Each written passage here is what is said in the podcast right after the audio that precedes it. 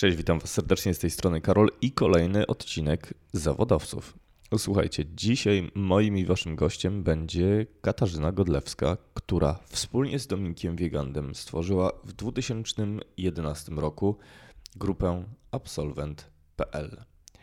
Kasia opowiada m.in. o tym, jak tworzyła ten startup technologiczny, zaczynając od malutkiego 9-metrowego biura w obskurnym budynku w Warszawie. Mówi o tym, jak budowała zespół, jak rozwijała ofertę firmy, jak doszła do momentu, w którym obecnie Absolvent to wiodąca platforma rekrutacyjna w Polsce, dedykowana studentom, absolwentom i młodym profesjonalistom. Dzisiaj w skład grupy, którą stworzyła Kasia, wchodzą takie brandy jak Absolvent.pl, Absolvent Talent Days, ATD Music, EBE Days, Absolvent Consulting, a od niedawna również aplikacja Kiwi Jobs. Dlatego serdecznie zapraszam Was do wysłuchania tejże rozmowy i cóż, do usłyszenia w kolejnym odcinku z zawodowców.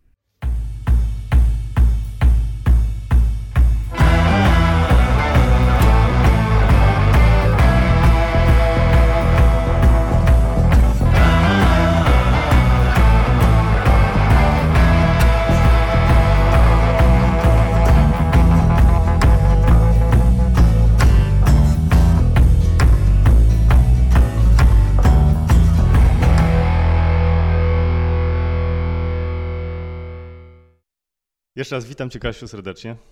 Cześć, dzień dobry. Dziękuję za przyjęcie zaproszenia do podcastu Zawodowcy. Dziękuję za zaproszenie. Siedzimy w Waszym nowym biurze. A ja chciałem Ciebie zapytać, Kasiu, i wrócić trochę do przeszłości. Kim chciałaś zostać, kiedy byłaś dzieckiem? O Boże. Wydaje mi się, że szczerze mówiąc, to nie miałam takich super skonkretyzowanych y, marzeń odnośnie tego, kim chcę zostać. E, z perspektywy czasu mam też takie poczucie, że jednak bardzo mocno się podąża, generalnie często się zdarza, się podąża trochę e, śladami swoich rodziców. E, więc mój tata zawodowo zawsze pracował w biznesie i jakoś ja czułam od zawsze, że naturalnie gdzieś w tym gdzieś w tym biznesie pewnie będę musiała się odnaleźć, ale to już pewnie jak byłam bardziej świadoma, a te takie szalone, super młodzieńcze e, pomysły na przyszłość to nie pamiętam. Mhm. Ale miałaś coś takiego, że byłaś takim młodym przedsiębiorcą i wiesz, wymyślałaś różnego rodzaju biznesy, zarabiałaś jakieś drobne w, będąc nastolatką, czy po prostu przygotowywałaś się do, do tego biznesu w inny sposób? Nie byłam, nie byłam e, bardzo przedsiębiorcza. E, na pewno też natomiast ja jakby od zawsze byłam taka pracowita i zawsze chciałam kolejny krok zrobić, więc e, na początku to się przejawiało tym, że się pilnie uczyłam, potem e, szybko poczułam, że chcę pracować, więc po znaczy nie wiem, czy to jest szybko w sumie, nie wiem, czy powinnam mówić szybko, ale po liceum od razu już poszłam sprzedawać lody gdzieś na Chmielne i potem jak zaczęłam studia, to już w każde wakacje pracowałam. Nie było wakacji, w których bym po prostu stwierdziła, czego z perspektywy w sumie trochę żałuję, że pojadę gdzieś daleko i będę robić jakiś wolontariat. To był moment dobry właśnie, żeby wyjechać na dłużej, tak? E, teraz jakby totalnie brakuje czasu, żeby, żeby pojechać gdzieś dalej na dłużej i się w coś zaangażować, bo jest firma, bo jest odpowiedzialność, bo jest dziecko i to nie tak łatwo wszystko poskładać. No ale od zawsze po prostu pracowałam. A potem ten absolwent spadł jak grom z nieba i jakby już naturalnie wytyczył moją Twoją dalszą ścieżkę. karierę. No dobrze, ale zanim absolwent jeszcze to chyba studia, prawda? Mm, tak. Ja pojechałam na studia do Anglii, na licencjat zrobiłam w Anglii, ale tęskniłam za Warszawą, tęskniłam za rodziną i postanowiłam wrócić. E, no i wróciłam e, nie mając pomysłu trochę na siebie, ale jakoś tak chyba jest głęboko w nas zakorzenione, że te studia są ważne i że licencjat to nie wszystko, że tego magistra warto robić. Poszłam na SGH no i to był taki przełomowy moment, bo mi się tam strasznie nie podobało i mi się tam strasznie nudziło. E, no i e, panicznie zaczęłam szukać czegoś, czym mogłabym się zająć, ale jednak takie wrodzone, wrodzone poczucie odpowiedzialności kazało mi te studia skończyć, więc e, musiałam to jakoś połączyć, skończyć te studia, ale już czymś się zająć, co by mi dawało poczucie, że nie marnuję czasu, jakieś poczucie satysfakcji. No i tam się, na studiach się poznaliśmy z Dominikiem właśnie. E, no i on mi opowiedział o tym, że ma taki pomysł, już coś zaczął robić, absolwent. No i szybko go przekonałam, żeby mnie wpuścił do spółki, żebyśmy mogli to robić razem. No i on, jak się zaczęliśmy to robić, to Dominik już się ze studiów wycofał, stwierdził, że nie będzie marnował tego czasu, a ja, tak jak już wspomniałam, moje poczucie odpowiedzialności jednak kazało mi pojechać do końca. Tu też duża zasługa mojej przyjaciółki Kasi, która studiowała razem ze mną i zawsze jak gdzieś nie byłam, e, albo gdzieś nie poszłam, albo gdzieś czegoś nie usłyszałam, a to się zdarzało bardzo często, to ona mi gdzieś tam pomagała. Tym bardziej, że ona była na tym SGH też wcześniej na licencjacie i tam wiedziała, jak się po tej uczelni poruszać. Dla mnie poruszanie się po SGH, po poruszaniu się po brytyjskiej uczelni, to mhm. było jak. Ale w sensie wiem, takim logistycznym, logistycz... fizycznym, czy. Tak, jakby mhm. w ogóle e, jak poszłam na SGH, to chyba był 2009 rok i tam nadal w głównym budynku w sumie nie było miejsc za dużo, gdzie można było pójść coś zjeść. Był jakiś jeden barek w podziemiach, Hades się chyba nazywał, jakiś mini taki bar mleczny na którymś piętrze któregoś budynku i bar dla profesorów. Ładny, przestronny, przeszklony, gdzie serwowano jedzenie tylko dla profesorów. Nie można było tam wejść i niczego zjeść. Ja takich rzeczy nie rozumiałam. Albo to, w jaki sposób byliśmy traktowani w dziekanacie, jak wrogowie, którzy marnują czas osobom, mm, które tam pracują. Wszystko było pod górkę. Załatwienie prostej sprawy było, graniczyło czasem po prostu z cudem, zajmowało kupę czasu i kupę energii. E, kiedy jak pojechałam do Wielkiej Brytanii, to był system wszystko tam dostawaliśmy, mogliśmy zadawać pytania profesorom, oni w ciągu 24 godzin odpowiadali. Dostałam jedną kartę, wchodziłam nią wszędzie, płaciłam nią, różne rzeczy, tak? Więc nie była ziemia. I bolało mnie to, bo to była uczelnia biznesowa, gdzie mieli nas nauczyć skutecznie prowadzić biznes, a jak patrzyłam na sposób, w jaki ta uczelnia była prowadzona, to dla mnie był bardzo, bardzo, bardzo daleko od tego, jak powinien funkcjonować dobry biznes. Trochę jak taka biblioteka, prawda? No biblioteka też była straszna. Byłam tam raz i też była jakaś przygoda, której już nie pamiętam. A oprócz Kasiu y, takich kwestii organizacyjnych, czego najbardziej ci brakowało na studiach? Na których? E, w ogóle? Tutaj na SGH-u. Bo wspominałaś mhm. o tym, że y, Dominik w sumie mm, rzucił studia i y, zajął się firmą. Ty z poczucia obowiązku je skończyłaś, ale wspominałaś o tym, że patrzyłaś na te studia i widziałaś, że no, no brakowało mi jeszcze poziomu, który, poziomu e, takiego poziomu profesorów, poziomu wiedzy, które czułam, że tam dostaję. W Anglii rzeczywiście dostałam według mnie bardzo solidny fundament, z którego do tej pory cały czas korzystam. E, taki fundament twardej wiedzy ekonomicznej, twardej wiedzy finansowej, ale też on był bardzo mocno połączony z praktyką. Wiele osób, które wykładało w Anglii, e, było normalnie praktykami, gdzieś jeszcze pracowali, coś robili i przy okazji dodatkowo uczyli studentów. Bardzo duży był nacisk na to, żebyśmy czytali gazety, tak, że rozmawialiśmy, jak rozmawialiśmy o jakimś temacie finansowym, no to od razu były przykłady z Financial Timesa. I, i, I rzeczywiście mieliśmy poczucie, że uczymy się czegoś. Nie w oderwaniu od rzeczywistości. Dokładnie tak.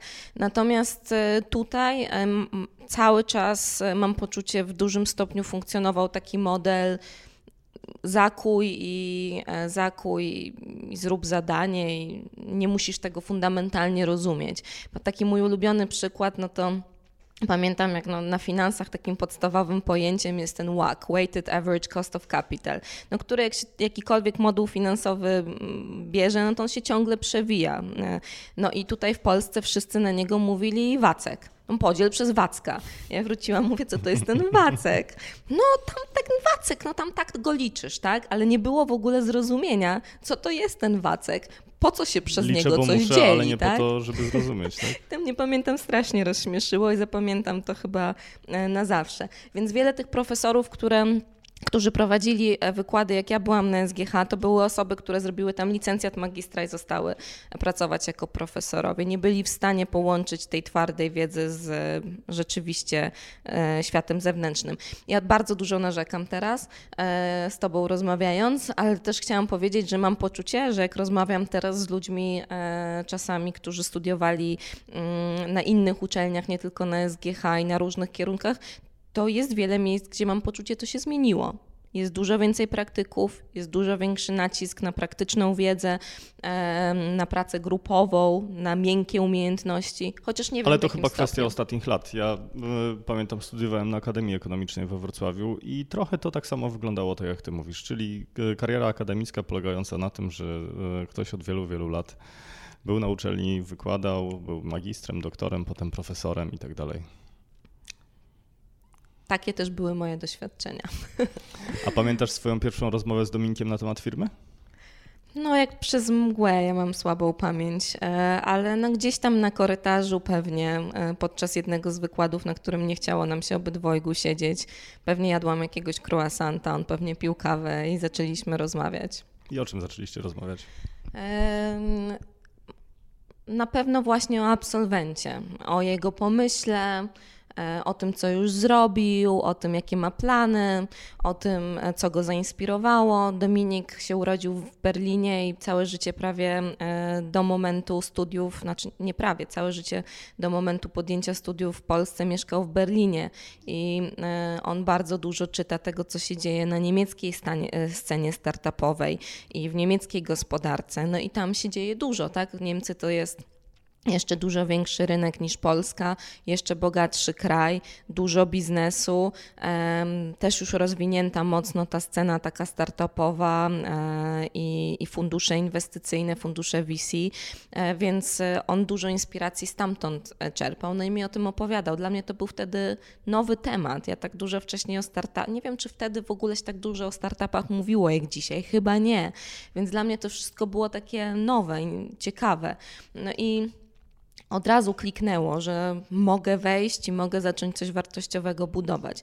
No i nie musiałam go długo przekonywać, troszeczkę musiałam go przekonywać, żeby, żeby się e, zgodził i żebyśmy mogli zacząć pracować nad tym razem.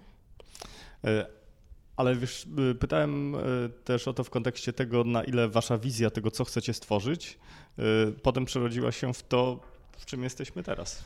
Oj, daleko. E, zaczęliśmy, no dzisiaj, dzisiaj mówimy o sobie grupa absolwent i tak naprawdę sfokusujemy się na trzech e, markach. To jest absolwent, czyli job board dla studentów i absolwentów i cykl targów pracy, których, e, które organizujemy dwa razy w roku w takich pikach rekrutacyjnych wiosną i jesienią. Potem mamy Absolvent Consulting, czyli doradztwo strategiczne w obszarze rekrutacji i employer brandingu, wsparcie firm często w egzekucji tych strategii. I trzeci, nasze najmłodsze dziecko i jak wiesz, już rozmawialiśmy e, dzisiaj bardzo blisko mojemu sercu, bo zarządzam Kiwi Jobs e, Osobiście to właśnie Kiwi Jobs, czyli platforma rekrutacyjna, która obsługuje ten rynek blue collar. E, I jak z Dominikiem się poznawaliśmy, to pomysł był tylko na absolwenta i tylko na jobboard. Na jobboard. E, ten jobboard e, też pivotował z 3-4 razy w stronę różnych koncepcji, e, dopóki stał się tym, czym jest dzisiaj. Więc my się bardzo mocno przez te pierwsze dwa lata poobijaliśmy, bo my nie mieliśmy wiedzy technicznej, my nie mieliśmy solidnego fundamentu do wystartowania tego, co zamierzaliśmy wystartować, tak? Czyli ten cały obszar IT, cały obszar marketingu internetowego, to było wszystko, co się musieliśmy nauczyć, ale też współpracy, tak, z, z designerami, z programistami. To wszystko było dla nas super nowe i my się bardzo przez pierwsze dwa lata poobijaliśmy. Zanim nam coś zaczęło wychodzić, minęło pewnie z dwa i pół roku. Mm. I potem dopiero powstała koncepcja, żeby e, stworzyć własne targi pracy, Absolvent Talent Days. Potem znów trochę oportunistycznie. Maciek Hasa, który stoi na czele Absolvent Consulting dzisiaj, zarządza całym, całą e, marką Absolvent Consulting, był kiedyś naszym klientem, pracując w korporacjach. Poznaliśmy się, przyszedł moment, kiedy my myśleliśmy już od roku o stworzeniu Absolvent Consulting, ale wiedzieliśmy, że to jest biznes oparty bardzo mocno na ludziach i potrzebujemy lidera dla tej linii biznesowej. No i dla Maćka przyszedł też moment jakby mm, zmiany, zmiany. w życiu i chęci i determinacji, żeby tą zmianę podjąć i kliknęło. I wystartowaliśmy razem Absolvent Consulting.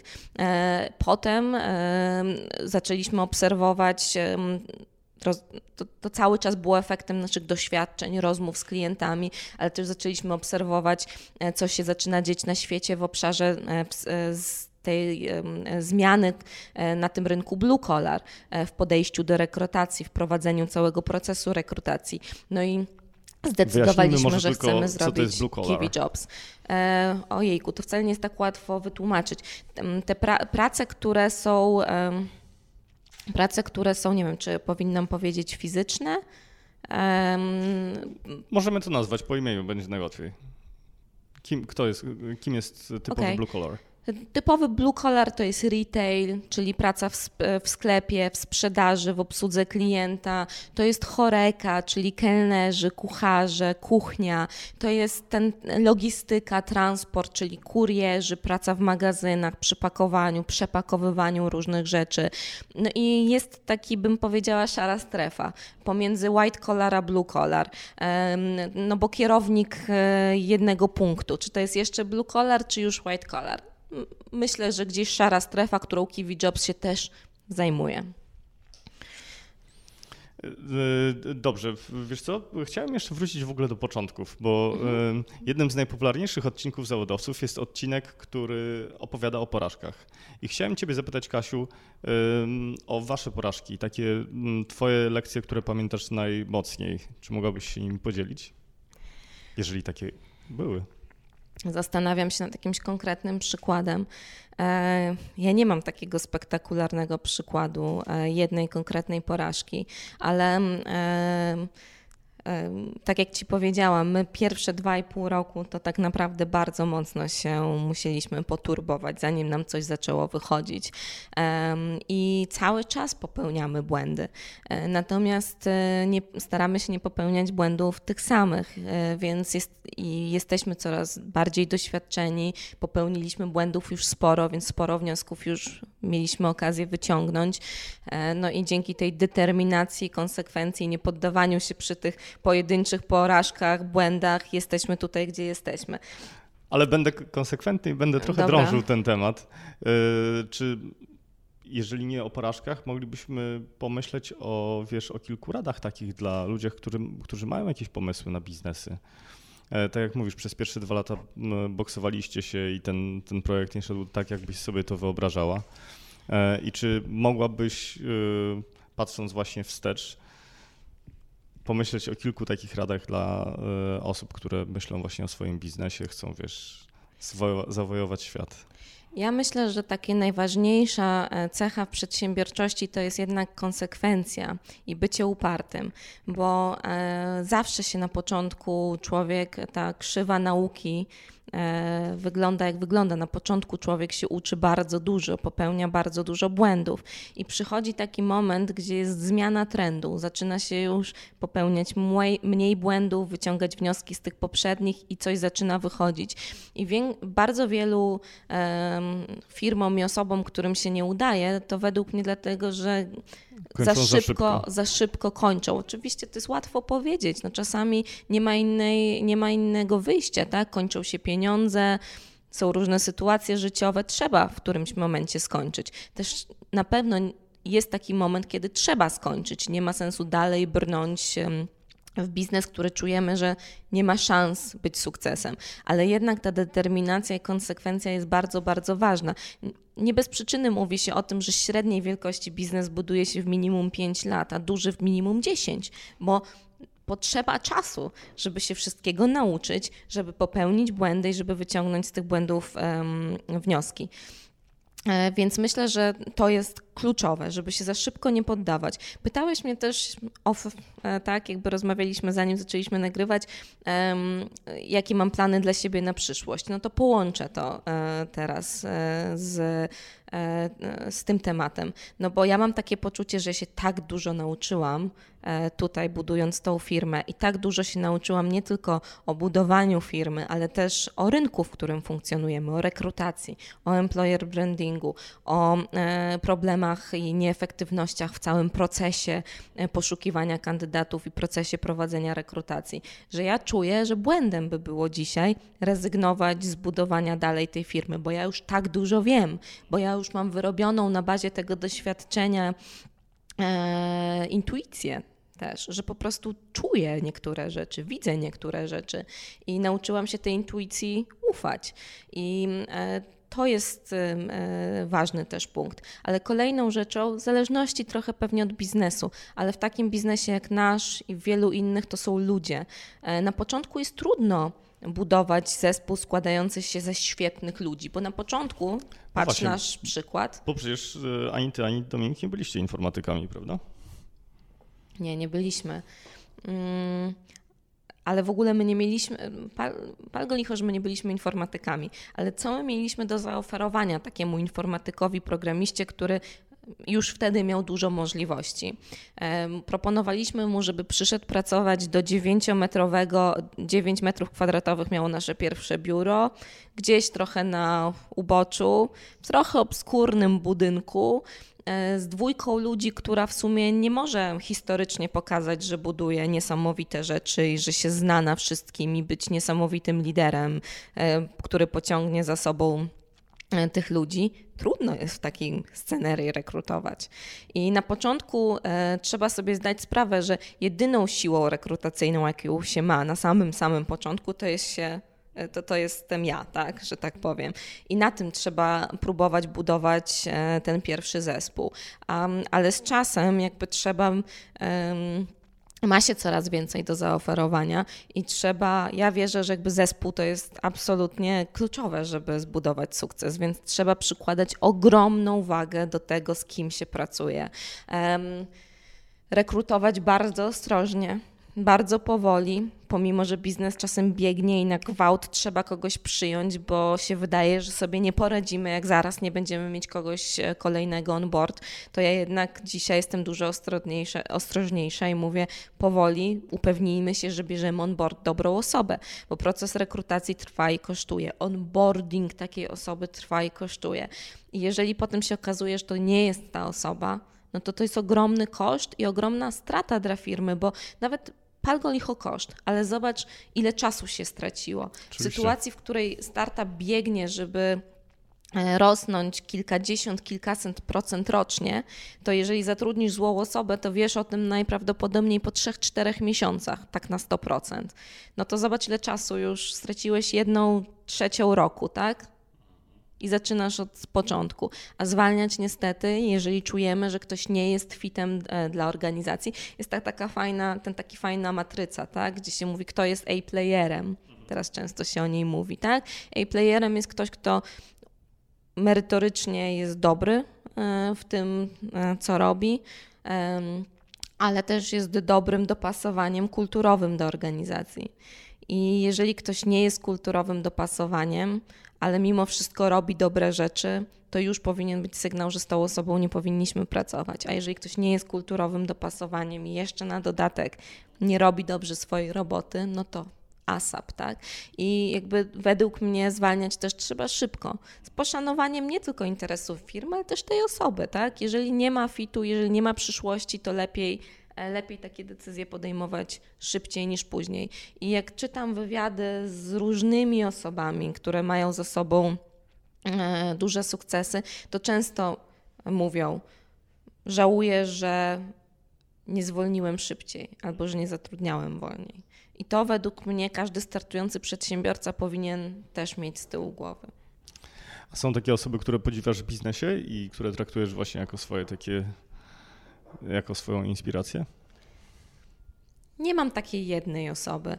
Na pewno dla mnie olbrzymią inspiracją jest mój tata i mentorem od, sam, od najmłodszych lat mojego życia do, do teraz.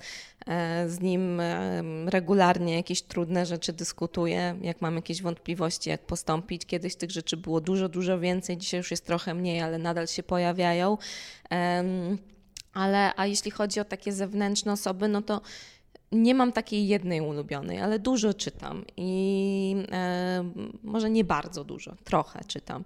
E, I najbardziej pewnie inspirują mnie dzisiaj te historie ze Stanów, Silicon Valley, e, też przedsiębiorców, którzy budują coś w internecie. Jednak Stany są mocno do przodu, jeśli Oczywiście. chodzi o wiedzę, ale też umiejętność spisania tej wiedzy, opowiedzenia tej wiedzy na przykładach. I dzisiaj mam trochę taki model, że czasami po prostu coś czytam, Dominik też bardzo dużo czyta i mi bardzo dużo podsyła rzeczy, więc tak naprawdę mi się te rzeczy kolejkują, więc nigdy nie muszę się zastanawiać, co mam czytać, tylko zawsze muszę sięgnąć do mojej kubki. Um, ale też czasami po prostu jak jest jakiś temat, który mnie nurtuje, um, jak efektywniej sprzedawać, jak powinien wyglądać program opcyjny. Um, jak, e, jakie są, jaka jest retencja w aplikacjach mobilnych i do jakiej powinniśmy dążyć, e, no to po prostu googluję dany temat i zamykam się na trochę i czytam o danym, o danym temacie. To chyba też dobre, że można prawie wszystkiego dowiedzieć się teraz z internetu. Tak, ja w ogóle się zastanawiam nad przyszłością edukacji, bo tak naprawdę dzisiaj jest tyle wiedzy dostępnej w internecie, że ktoś umie szukać i umie się zmobilizować, żeby z niej e, korzystać, to, to można się bardzo dużo nauczyć samemu. Myślę, że takie zawody jak, wiesz, jak prawnik, jak lekarz zawsze pozostaną związane z e, uczelnią, ale zobacz, co się dzieje w branży, w branży informatycznej, w branży mhm. kreatywnej całej. No, mhm. 16-latkowie, którzy kręcą filmy, montują, wiesz, no, robią niesamowite rzeczy. Tylko i wyłącznie dzięki temu, że mają dostęp do internetu. Tak.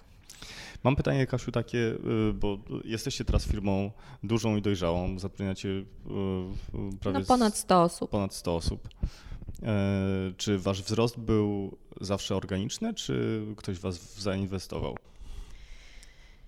E, nie, mamy sporą już historię za sobą e, w mhm. tym obszarze. Na samym, samym początku to szukaliśmy inwestycji, to się mówi 3F, Fools, Family and Friends. Mhm. Więc e, pierwszy, pierwszym inwestorem oczywiście byliśmy my sami, potem dołączył do grona inwestorów mój tata, mhm. który chyba trochę się śmieje już teraz, że nie miał poczucia, że zbudujemy taką firmę, ale że przynajmniej się czegoś nauczymy. A tu surprise, jakby coś się udało zbudować. Potem e, dołączył do nas e, business angel Jacek, e, który, którego po prostu przekonaliśmy, żeby trochę w nas pieniędzy zainwestował. Jacek jest całe życie przepracował w finansach, był CFO wielu też dużych giełdowych spółek. I potem znów musieliśmy szukać finansowania i poszliśmy już szukać finansowania wśród funduszy VC. E, I wtedy uwierzył w nas fundusz SpeedUp z Poznania i w 2012 roku zainwestował w nas e, właśnie SpeedUp. E, no i pracowaliśmy ze sobą 4 lata. I to był taki moment, że dla speed-upa przychodził już moment, kiedy. Wyjścia? E, tak, e, mhm. zaczęli konie, koniec horyzontu inwestycyjnego, zaczęliśmy rozmawiać o tym, że oni chcieliby w niedalekiej przyszłości podjąć rozmowy w kontekście wyjścia ich ze spółki.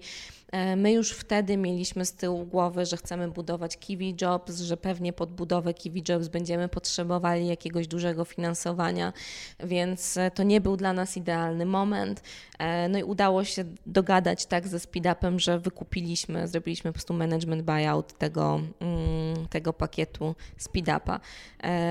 I e, tak jak planowaliśmy, chwilę później skonkretyzowaliśmy swoje plany e, dotyczące Kiwi Jobs i wyszliśmy na rynek szukać e, finansowania. No i w grudniu 2000, czy w listopadzie 2017 roku znów pozyskaliśmy finansowanie pod, od funduszu, od funduszu Nomad który uwierzył, że zbudujemy sukces e, z Kiwi Jobs. Podobało się też funduszowi to, co udało nam się zbudować do tej pory. No i zamknęliśmy tą rundę pod budowę Kiwi Jobs. I e, niewykluczone, bo, bo Kiwi Jobs ma na razie bardzo fajny track record, że zdecydujemy się też Kiwi Jobs rozwijać szybciej niż oryginalnie planowaliśmy i to może pociągnąć ze sobą kolejną rundę finansowania. Jak się czujesz, Kasiu, teraz budując Kiwi Jobs od, od zera? Bo to trochę taka firma w firmie, prawda? Tak, jakby nie sam, ja mam porównanie, więc jakby doceniam to, w jakich warunkach e, starto, startowaliśmy Kiwi Jobs. E, Kiwi Jobs e, startowaliśmy od zera, w styczniu 2017 roku dołączył e, do, do mnie Adam, który był odpowiedzialny za produkt i wtedy się na serio zaczęła praca nad Kiwi Jobs. ale nie budowali, budowaliśmy to jednak będąc e, razem e, w grupie absolwent, więc mając biuro, e, mając trochę specjalistów naokoło, których mogliśmy poprosić o radę w różnych obszarach, mając CTO, który miał, mógł doradzić przy jakichś technologicznych rzeczach, więc nie startowaliśmy tego kompletnie od zera. Startowaliśmy nowy startup w funkcjonującej firmie ale wiedzieliśmy, że Kiwi, nauczyliśmy się tego już też wcześniej. Wiedzieliśmy, że tutaj jednak potrzebujemy zbudować kompletnie dedykowany zespół, który, którego głównym i jedynym fokusem będzie zrobić sukces z Kiwi Jobs.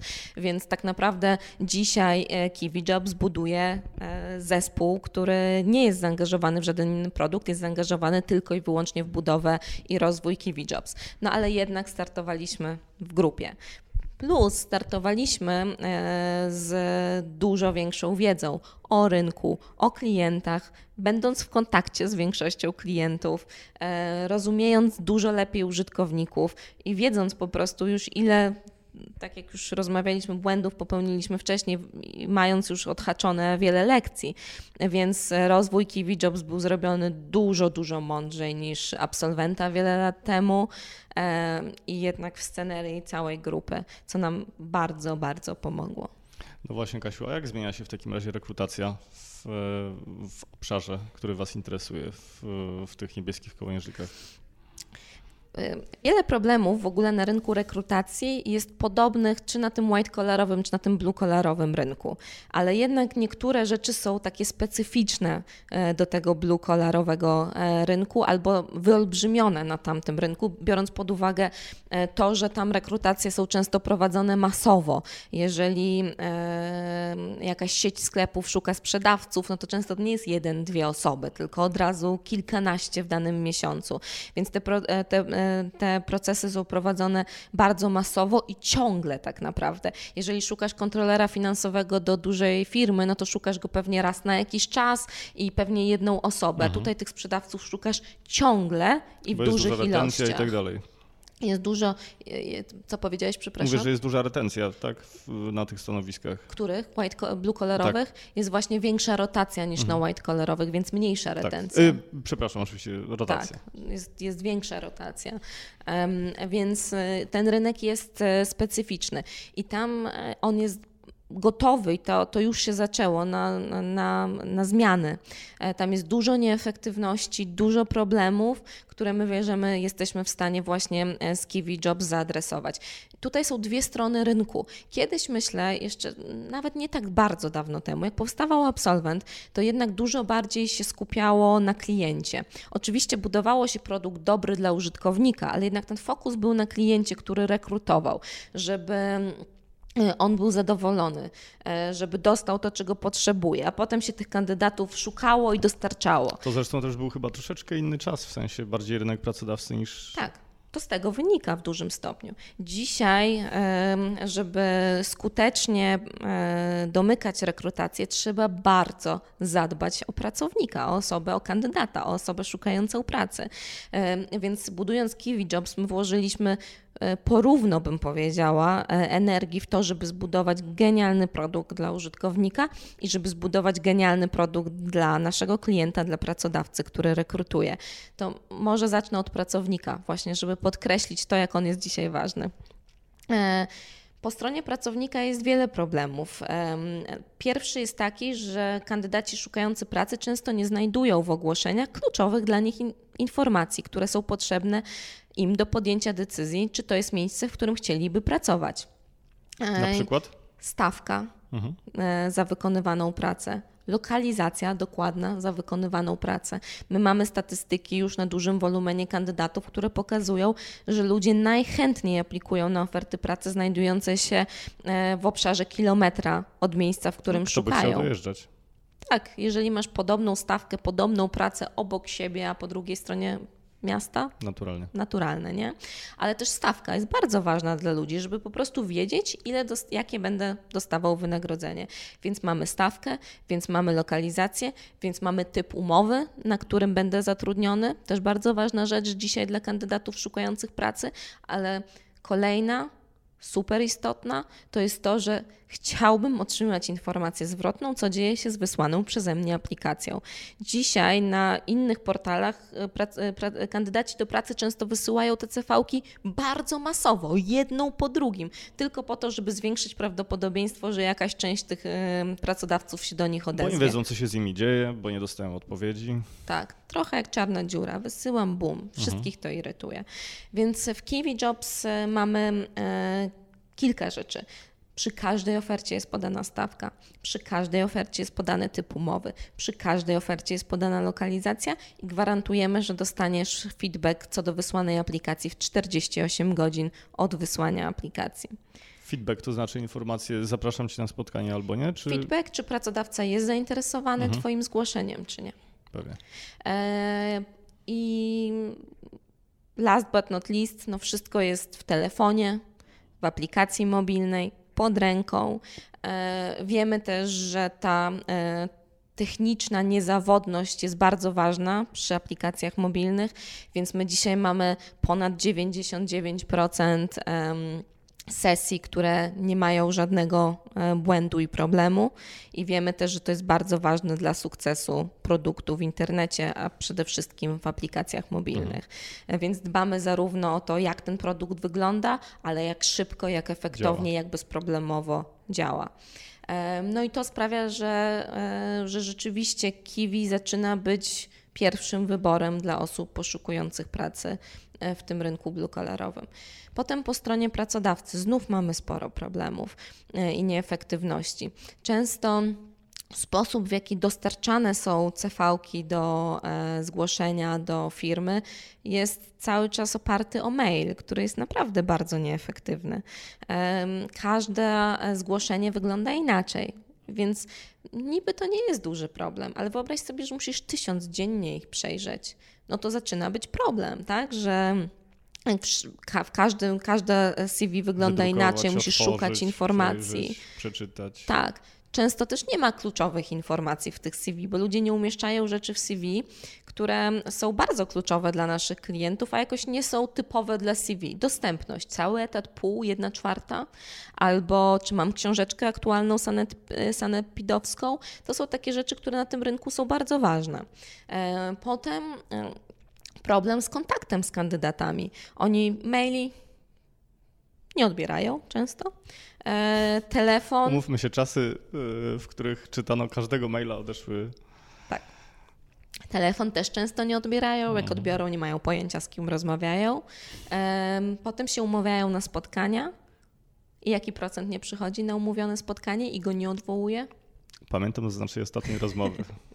70-80%. Tak. To było dla mnie niewyobrażalne. To jest niewyobrażalne. Wyobraź sobie tego człowieka, którego głównym zadaniem jest prowadzenie tych rekrutacji. Wyobraź sobie, bo tak jeszcze cały czas wyglądają rekrutacje w większości firm, że są to rekrutacje, kiedy jest jednak one-to-one spotkanie, nie masowe. Coraz więcej firm robi jakby zbiorcze spotkania rekrutacyjne, ale większość jeszcze jednak one-to-one i 80% Twojego zaplanowanego kalendarza Na się nie materializuje. Tak. No i problem dzisiejszych czasów, kolejny duży, nie ma kandydatów. Więc to, co Kiwi Jobs robi, no to adresuje nie ma kandydatów tym, że buduje świetny produkt dla kandydata.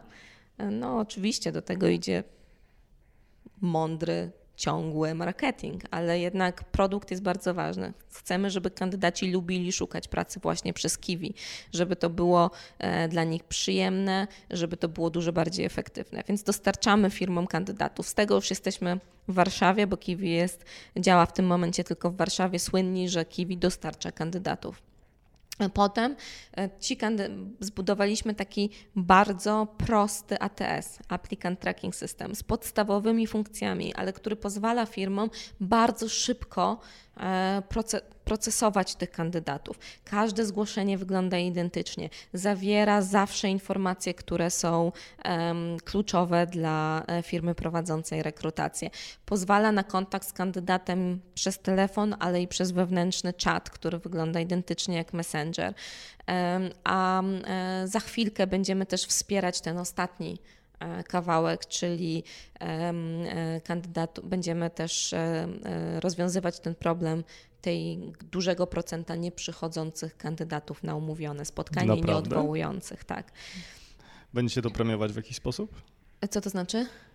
Yy, premiować? To, że ktoś się pojawi, to będzie w jakiś sposób premiowane? Yy, tak, będziemy, będziemy premiować. Mhm. Mam takie wrażenie, że wasze Kiwi to jest taka sieć społecznościowa łącząca pracodawców z ludźmi, którzy chcą pracować. Chyba ja bym tego siecią społecznościową nie nazwała, bo jednak e, sieć społecznościowa.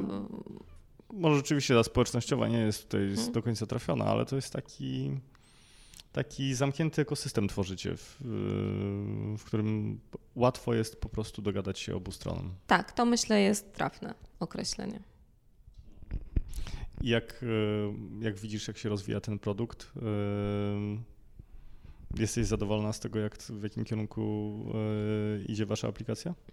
Uważ, jestem bardzo dumna z tego, co nam się udało osiągnąć przez na razie niecały rok, odkąd Kiwi poszło live. Te statystyki, no bo. Właśnie możesz się podzielić mhm. jakimiś takimi statystykami, czy to jest póki co? Myślę, że takimi bardziej powierzchownymi mogę, ale też może warto powiedzieć, że właśnie to, co zrobiliśmy przy Kiwi świetnie, to zbudowaliśmy od samego początku bardzo dobrą analitykę. I bardzo dobra analityka pozwala podejmować mądre decyzje. Na jakim poziomie analityka? E, zarówno na poziomie produktowym, e, żeby rozumieć cały lejek konwersji, tak? Od momentu, kiedy ktoś ściągnie e, aplikację, co się dalej dzieje, na którym kroku się zatrzymuje, na którym kroku wypada, skąd kandydaci, e, kandydaci przychodzący z którego źródła korzystają z aplikacji najdłużej i najbardziej intensywnie. Więc taką analitykę produktową mamy bardzo silną, ale też analitykę marketingową. Bardzo precyzyjnie rozumiemy dzisiaj, który kanał marketingowy jest dla nas efektywny, który nie jest efektywny, ale też jak zachowują się potem w produkcie użytkownicy pochodzący z którego kanału marketingowego. To jest bardzo ważne, żeby podejmować dalsze decyzje, bo często coś nam się wydaje, a produkt i statystyka pokazuje kompletnie coś innego. Więc no to jest potrzebne, żeby nie, rob, nie podejmować decyzji na tym, co nam się wydaje, tak? E, więc uważam, że my zbudowaliśmy bardzo silny fundament dzisiaj, tak bym to nazwała, do tego, żeby Kiwi dalej się agresywnie rozwijało i zdobywało rynek. Więc jestem dumna z tego, gdzie jesteśmy, ale ogrom pracy przed nami. Trzymam kciuki zatem, bo e, tak jak wspominałaś, póki co Warszawa, tak. a dalej plany macie na Polskę i również inne kraje? Na razie nasze mm, średnioterminowe marzenia zatrzymują się na Polsce. Chcielibyśmy być liderem w Polsce w tym obszarze, więc e, plany to jest zdobywanie kolejnych miast, ale też potencjalnie otwarcie się na którąś jeszcze kategorię prac. No bo my dzisiaj nie tylko jesteśmy sfokusowani na Warszawie, ale jesteśmy też sfokusowani na e, mm, kilku e, tych blue-collarowych kategoriach. Nie robimy wszystkich. Nie robimy dzisiaj na przykład pracowników produkcyjnych, e, więc kierunkiem rozwoju są nie tylko miasta, ale potencjalnie jeszcze obsługa którejś z kategorii funkcjonującej na tym blue-collarowym rynku. E, no i kolejnym kierunkiem rozwoju jest jeszcze obsłużenie większej części tego procesu, bo my dzisiaj obsługujemy część tego, mm, e, tego całego procesu po stronie kandydata i firmy w procesie rekrutacji, a tu też jest jeszcze dużo więcej do zrobienia. I tu mam takie ambitne marzenia. Chciałabym, żeby Kiwi dużo większy kawałek tego procesu mogło za jakiś czas obsłużyć. Trzymam kciuki, Kasiu. Dzięki. Mm, wiesz co, jeszcze tak kończąc naszą rozmowę, mam do Ciebie pytanie, jak patrzysz z perspektywy e, tych lat, przez które prowadzicie absolwenta. Jak się zmienił absolwent? Ale nie pytam o Waszą firmę, tylko o kończą studia. Ehm, tak. E, na pewno, e, na pewno jest to pokolenie, które mm, nie lubi głupio pracować i nie będzie e, tak po prostu wykonywać obowiązków, nie rozumiejąc po co je wykonuje. I ja myślę, że to akurat czasem jest postrzegane jako, przepraszam, duża roszczeniowość, ale fundamentalnie jest dobre, bo e, problemem jest często to, że nie, nie to, że nie pracujemy ciężko, albo że moglibyśmy jeszcze dłużej zostać w pracy i jeszcze dłużej pracować, ale często problemem jest to, że robimy niepotrzebne rzeczy w pracy. Tak? Więc jeżeli to pokolenie ma w sobie naturalnie to, że nie chce głupio pracować, więc nie będzie robić rzeczy, których nie rozumie, po co robi, to jest duże prawdopodobieństwo, że też będą selektywniejsi w tym, nad czym pracują, versus to, nad czym po prostu nie pracują. I to jest fajne. E, myślę też, że mają dużo mniejszy poziom cierpliwości i to jest tricky, no bo e, od tego zaczęła się nasza rozmowa, że żeby gdzieś odnieść sukces, wymagana jest po prostu konsekwencja, e, upartość i często też akceptacja do tego, że w pracy się nie robi tylko rzeczy ekscytujących. Rozmowa z Tobą jest dzisiaj super miła, jest inna versus to, co robię przez większość dni, ale często spędzę godziny na Excelu. Trzeba, bo to jest bardzo ważne. I tutaj e, widzimy dużo mniejszą taką cierpliwość, żeby robić rzeczy, które czasem są bardzo potrzebne, ważne, ale bardziej żmudne e, bardziej powtarzalne, ale ta konsekwencja potem zrobienia ich między innymi by poprowadziła tych ludzi dalej. Więc myślę, że myślę, że to y, też jest istotne. Um, na pewno to jest pokolenie dużo bardziej kreatywne, myślę, takie z otwartymi. Bez ograniczeń. Tak, nie czujące takich y, wielkich ograniczeń. Coś jeszcze chciałam powiedzieć, ale zapomniałam. Nic nie szkodzi. Jak sobie myślisz o tym, co, gdzie byś chciała być za 5 lat? Hmm. Chyba fajna odpowiedź, bo, bo nie czuję potrzeby jakiejś wielkiej e, zmiany. E, mam nadzieję, że za 5 lat Kiwi będzie dużym projektem, będzie mhm. już liderem w tej kategorii i będziemy mieć nadal dużo pomysłów, gdzie z tym projektem iść dalej. I tyle. W takim razie przede wszystkim gratuluję Ci tej ciężkiej pracy i konsekwencji tego, co zbudowaliście teraz i życzę wszystkiego dobrego na przyszłość. Dziękuję. Powodzenia z dalszym rozwojem zawodowców. Dzięki, Kasiu. Dzięki.